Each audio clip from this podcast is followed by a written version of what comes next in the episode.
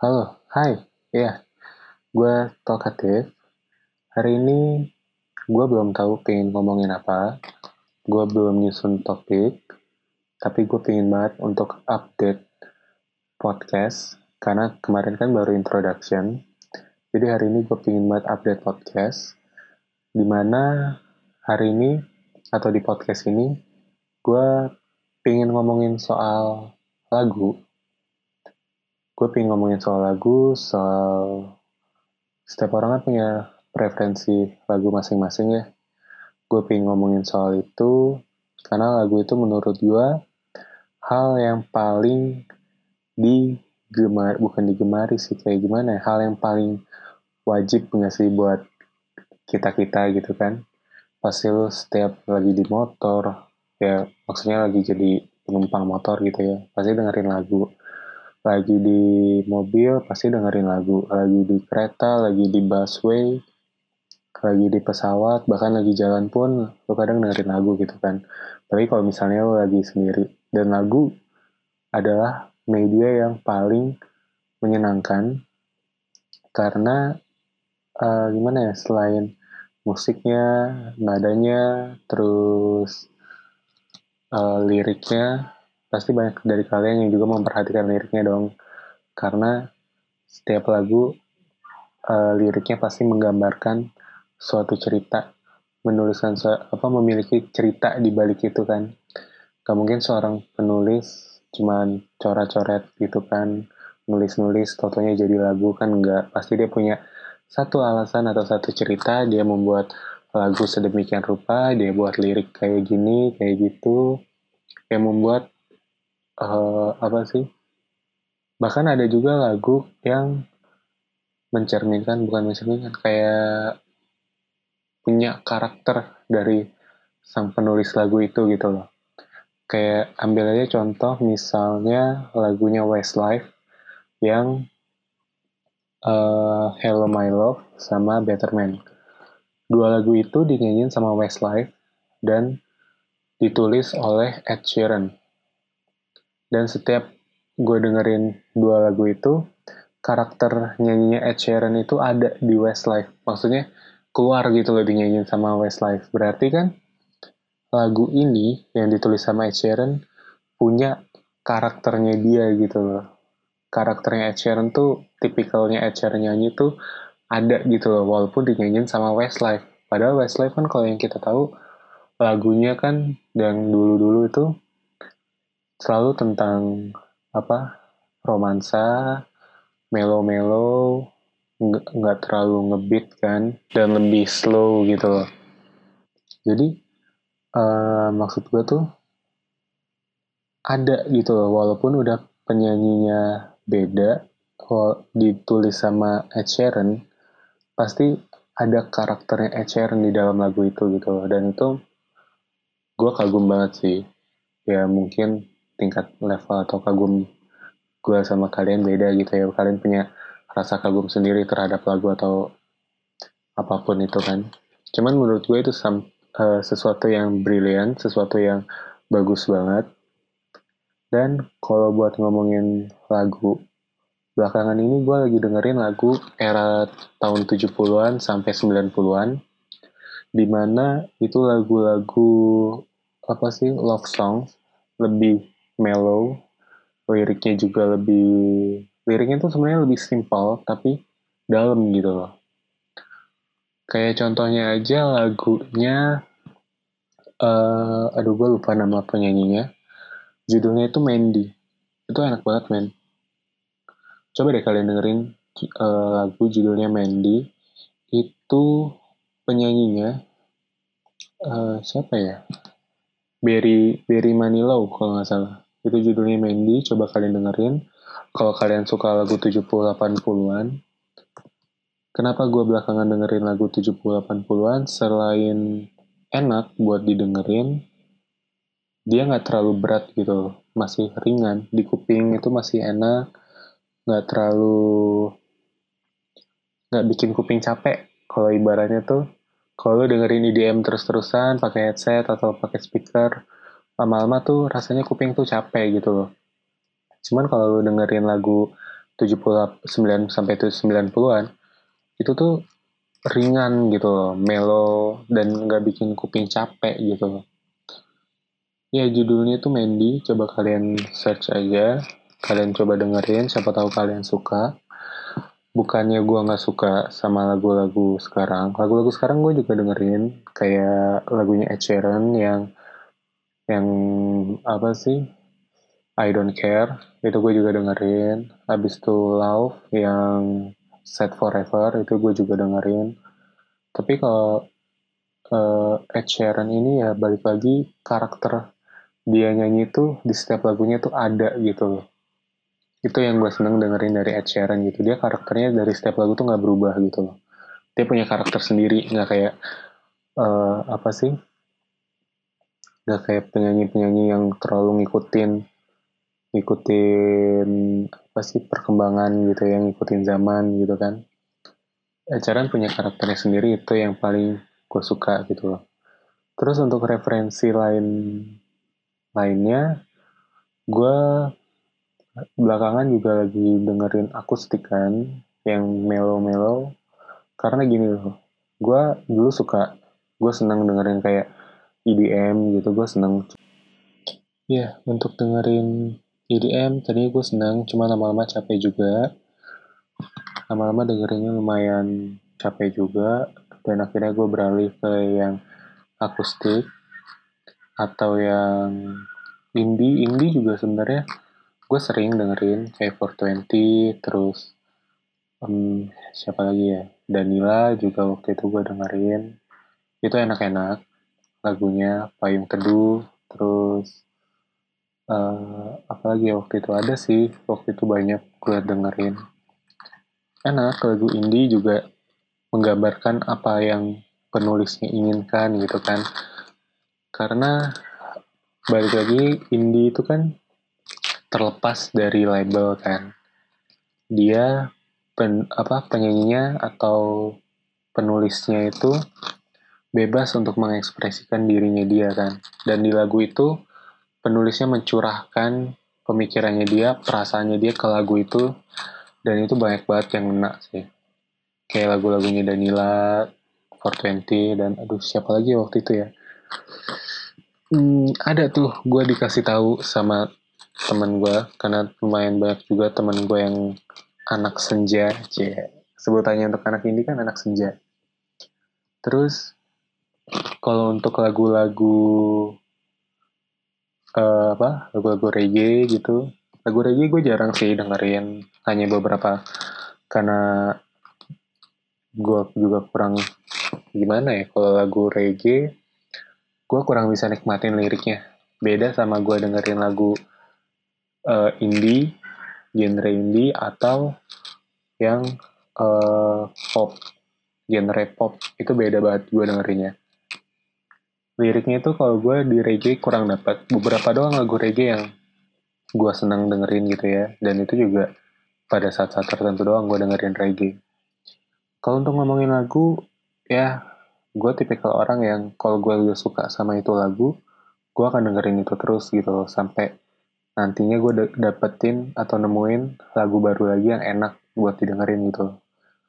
Gue juga gak mentingin lagu itu mau lagu baru kek mau lagu lama kek ya buktinya aja gue dengerin gitu lagu-lagu tahun 70-90an untuk sekarang ini. Sampai bokap gue aja tuh pas waktu itu nyetir apalagi di mobil dan gue yang nyetir dan gue nggak bisa banget nyetir tanpa lagu. Itu kayak hampa banget sih kalau tanpa lagu. Bosen banget ya. Lagu adalah salah satu media yang menghibur gue saat nyetir. Jadinya gue lebih sering konekin uh, apa HP gue via Bluetooth atau via audio jack. Buat dengerin lagu dan bokap gue juga waktu itu heran kenapa gue bisa seneng gitu dengerin lagu 70 90-an ya enak aja gitu loh dengerinnya di mobil lagi macet. Pembawaannya itu jadi tenang gitu loh. Beda sama kalau misalnya lu dengerin lagu EDM pembawaan nyetirnya itu jadi beda ya. Kalau kalau gue ya nggak tahu sih kalau orang cuman emang kalau gue kalau gue dengerin lagu-lagu IDM pembawa nyetir gue kan beda dan itu juga uh, terjadi pada temen gue. Katanya dia sih, katanya dia kalau nyetir itu enak pakai lagu dangdut. Apalagi katanya kalau misalnya dia kan anaknya ya sorry sorry aja gitu ya anak anak begajulan lah ya kalau di jalanan bawanya aja waktu itu gue bareng dia di tol aja ngeri abis gitu kan. Soalnya gue tipe kalau orang yang nyetirnya itu lebih santai gitu lebih slow. Dibandingkan dia yang tiba-tiba nyetirnya kayak gitu gue juga jadi ngeri gitu kan. Dan dia bilang enak itu pakai lagu dangdut buat nyetir. Ritmenya katanya dapat buat nyalip buat ya buat nyalip nyalip katanya lebih dapat gitu loh ngebeatnya gue nggak ngerti sih kalau kayak gitu soal-soal kayak gitu. Cuman uh, gue ngerasa kalau gue dengerin lagu-lagu akustik atau lagu-lagu tahun 70-90an gue ngerasa pembawa nyetir gue lebih tenang gitu loh. Dan ya Jakarta udah macet men. Ngapain kita emosi-emosi lagi gitu kan? Mending lu slow mellow di mobil nikmatin aja udah. Kalau kata bokap gue sih berdamai dengan keadaan. Jadi ya udah yang namanya udah kondisi mau lu ubah mau lu ubah malah lu yang capek gitu kan. Benar kata bokap gue nggak usah kita terlalu emosi gitu ya di jalan. Dan buat kalian hati-hati di jalan. Jangan jangan sampai kehilangan fokus. Tetap fokus di jalan. Karena sering kejadian di depan mata gue sendiri itu motor ya ojek online itu kan mereka suka nyari alamat ya. Mereka nyari-nyari alamat. Ini out of topic dari lagu ya karena ini ada kelintas di pikiran gue itu dia sambil ngeliat-ngeliat alamat cuman dia nggak ngerasa kalau dia tuh lama-lama ke tengah. Dari yang tadinya di kiri di kiri jalan lama-lama tuh dia ke tengah sambil ngeliatin alamat. Waktu itu kejadiannya itu di Bintaro di daerah Discovery. Dia waktu itu eh enggak enggak. Bukan di Discovery-nya deng. Oh dekat BPK Penabur kan ada jalan yang yang jalan tembus ke Japos tuh yang lewat belakang. Itu dia lagi nyari-nyari alamat. Yang tadinya di, di pinggir tiba-tiba dia ke tengah. Dan tadinya tuh mungkin maksudnya mobil nyalip dia kan. Mobil di depan gua nyalip dia. Karena dia tadinya di kiri pas mobil itu ngegas dia ke, dia ke tengah ya udah kejadian ketabrak ojek online-nya. Terus kalau kayak gitu salahnya siapa gitu kan? Secara hukum eh gue nggak tahu juga sih. Secara hukum salahnya siapa? Cuman pernah dikasih tahu sama teman gue kalau secara hukum tetap yang salah mobil. Cuman secara logika kita menurut gue nih ya yang salah tetap ojek online-nya. Bukannya gue mendiskriminasi atau apa cuman kan kalau emang dia mencari alamat at least dia seharusnya tetap fokus gitu dia harusnya tetap lihat ke depan dia perhatiin posisinya dia atau enggak kalau emang dia udah mentok banget nggak dapet tuh alamat ya pinggir gitu loh berhenti nanya ke orang. Karena dengan dia pelan di kiri dan tiba-tiba ke tengah itu kan membahayakan dirinya dia juga dan orang lain. Kalau yang nabraknya apa nggak sama-sama motor juga ya nggak kalau sama-sama motor juga kan dua-duanya jatuh. Kalau juga jatuhnya tetap di jalurnya. Kalau jatuhnya ke kanan dia arah yang berlawanan. Ya kan? Bisa disikat sama mobil yang dari arah berlawanan. Jadi buat kalian stay fokus hati-hati di jalan jalanan lagi crowded crowdednya jujur ya, gue aja tadinya pengendara motor, cuman karena ada satu kejadian yang bikin gue untuk sementara ini kunci motor itu dan STNK motor gue kasih ke bokap gue gue nggak mau naik motor dulu dan gue lebih memilih buat gue bawa mobil. Ya adalah kejadian yang membuat gue agak trauma buat naik motor gitu ya agak ngeri buat naik motor. Dan buat kalian juga hati-hati sebagai pejalan kaki karena banyak pengendara yang bisa nyetir tapi nggak tahu etika nyetir gitu loh. Gue pernah waktu jalan di daerah Jakarta Selatan, gue lagi di trotoar, gue waktu itu mau ke mana ya?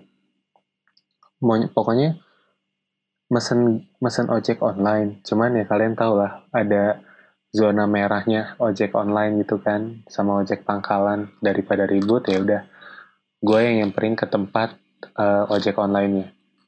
Gue lagi jalan gue lagi jalan di trotoar. Yang gue yakin banget itu trotoar karena itu udah di pinggir banget dan dia ada marka yang itu loh yang hitam putih hitam putih dan itu lebih tinggi daripada jalan jalan di bawah apa uh, jalan jalan raya. Itu lebih tinggi dan gue yakin banget itu adalah trotoar karena yang lainnya juga jalan di situ dan ada garis kuning yang buat uh, apa sih buat orang yang nggak bisa ngeliat itu loh yang dia ada garis garis garis garis putus atau nggak titik-titik yang bulat yang warna kuning ya kalian pasti tau lah yang sering uh, lew apa jalan di trotoar yang buat tongkat itu yang orang pakai tongkat itu kan. Itu ada ituan dan gue yakin banget itu adalah trotoar cuman waktu itu gue jalan pakai headset gue lagi dengerin lagu di belakang gue gue di klakson gue di klakson dan itu adalah motor logikanya aturan gue dong yang marah, iya kan? Itu adalah hak gue sebagai pejalan kaki. Itu adalah trotoar hak bagi pejalan kaki. Tapi motor ini malah ngotot. Dia malah marah gara-gara gue nggak mau minggir dan pakai headset. Logikanya kan itu adalah hak gue. Kenapa lo yang marah? Aturan gue gitu kan yang marah. Cuman waktu itu karena gue nggak mau berdebat panjang lebar, akhirnya ya udah gue minggir gue nggak ngomong apa-apa dia dia ngomel-ngomel ke gue dan satu lagi gue cuman mau bilang karma is real begitu dia ngelewatin gue di depannya lagi ada bapak-bapak dan di situ dia berantem dan itu benar-benar salah cilakanya lagi bapak-bapak yang diajak berantem itu adalah anggota TNI dan itu abis banget bapak-bapak yang naik motor itu dibentak dibentak habis-habisan sama TNI itu. Dan gue lewat dengan polosnya dengan maksud hati ngeledekin yang naik motor. Emang kurang ajar juga sih gue waktu itu. Tinggal nungguin karma gue aja men. Dan itu habis dibentak sama TNI itu dan itu kan tinggi ya. Tinggi uh, ada ya se ya kalian tau lah tingginya trotoar dari jalan raya gitu kan. Kalian tahu lah. Dan itu dia bener-bener langsung disuruh turun ke jalan raya dan gue dengerin banget suara mesin nggak tahu sih mesin apa knalpotnya itu mentok sama sama pinggiran trotoar dan itu pas dia ngelewatin gue gue liatin aja gitu kan dia kayaknya udah mau marah cuman di belakang gue kan masih ada bapak-bapak yang TNI itu kan Ya, sekian untuk podcast yang ini. Untuk ke depannya gue akan nyusun topik lagi, karena podcast ini gue belum nyusun topik, gue cuma ingin banget update podcast dan ngomongin soal hal-hal ringan. Buat kalian, hati-hati di jalan, tetap sabar, jangan kepancing emosi, and that's it untuk podcast kali ini. Sampai sini dulu. Stay tune, kita ketemu di podcast berikutnya. See ya!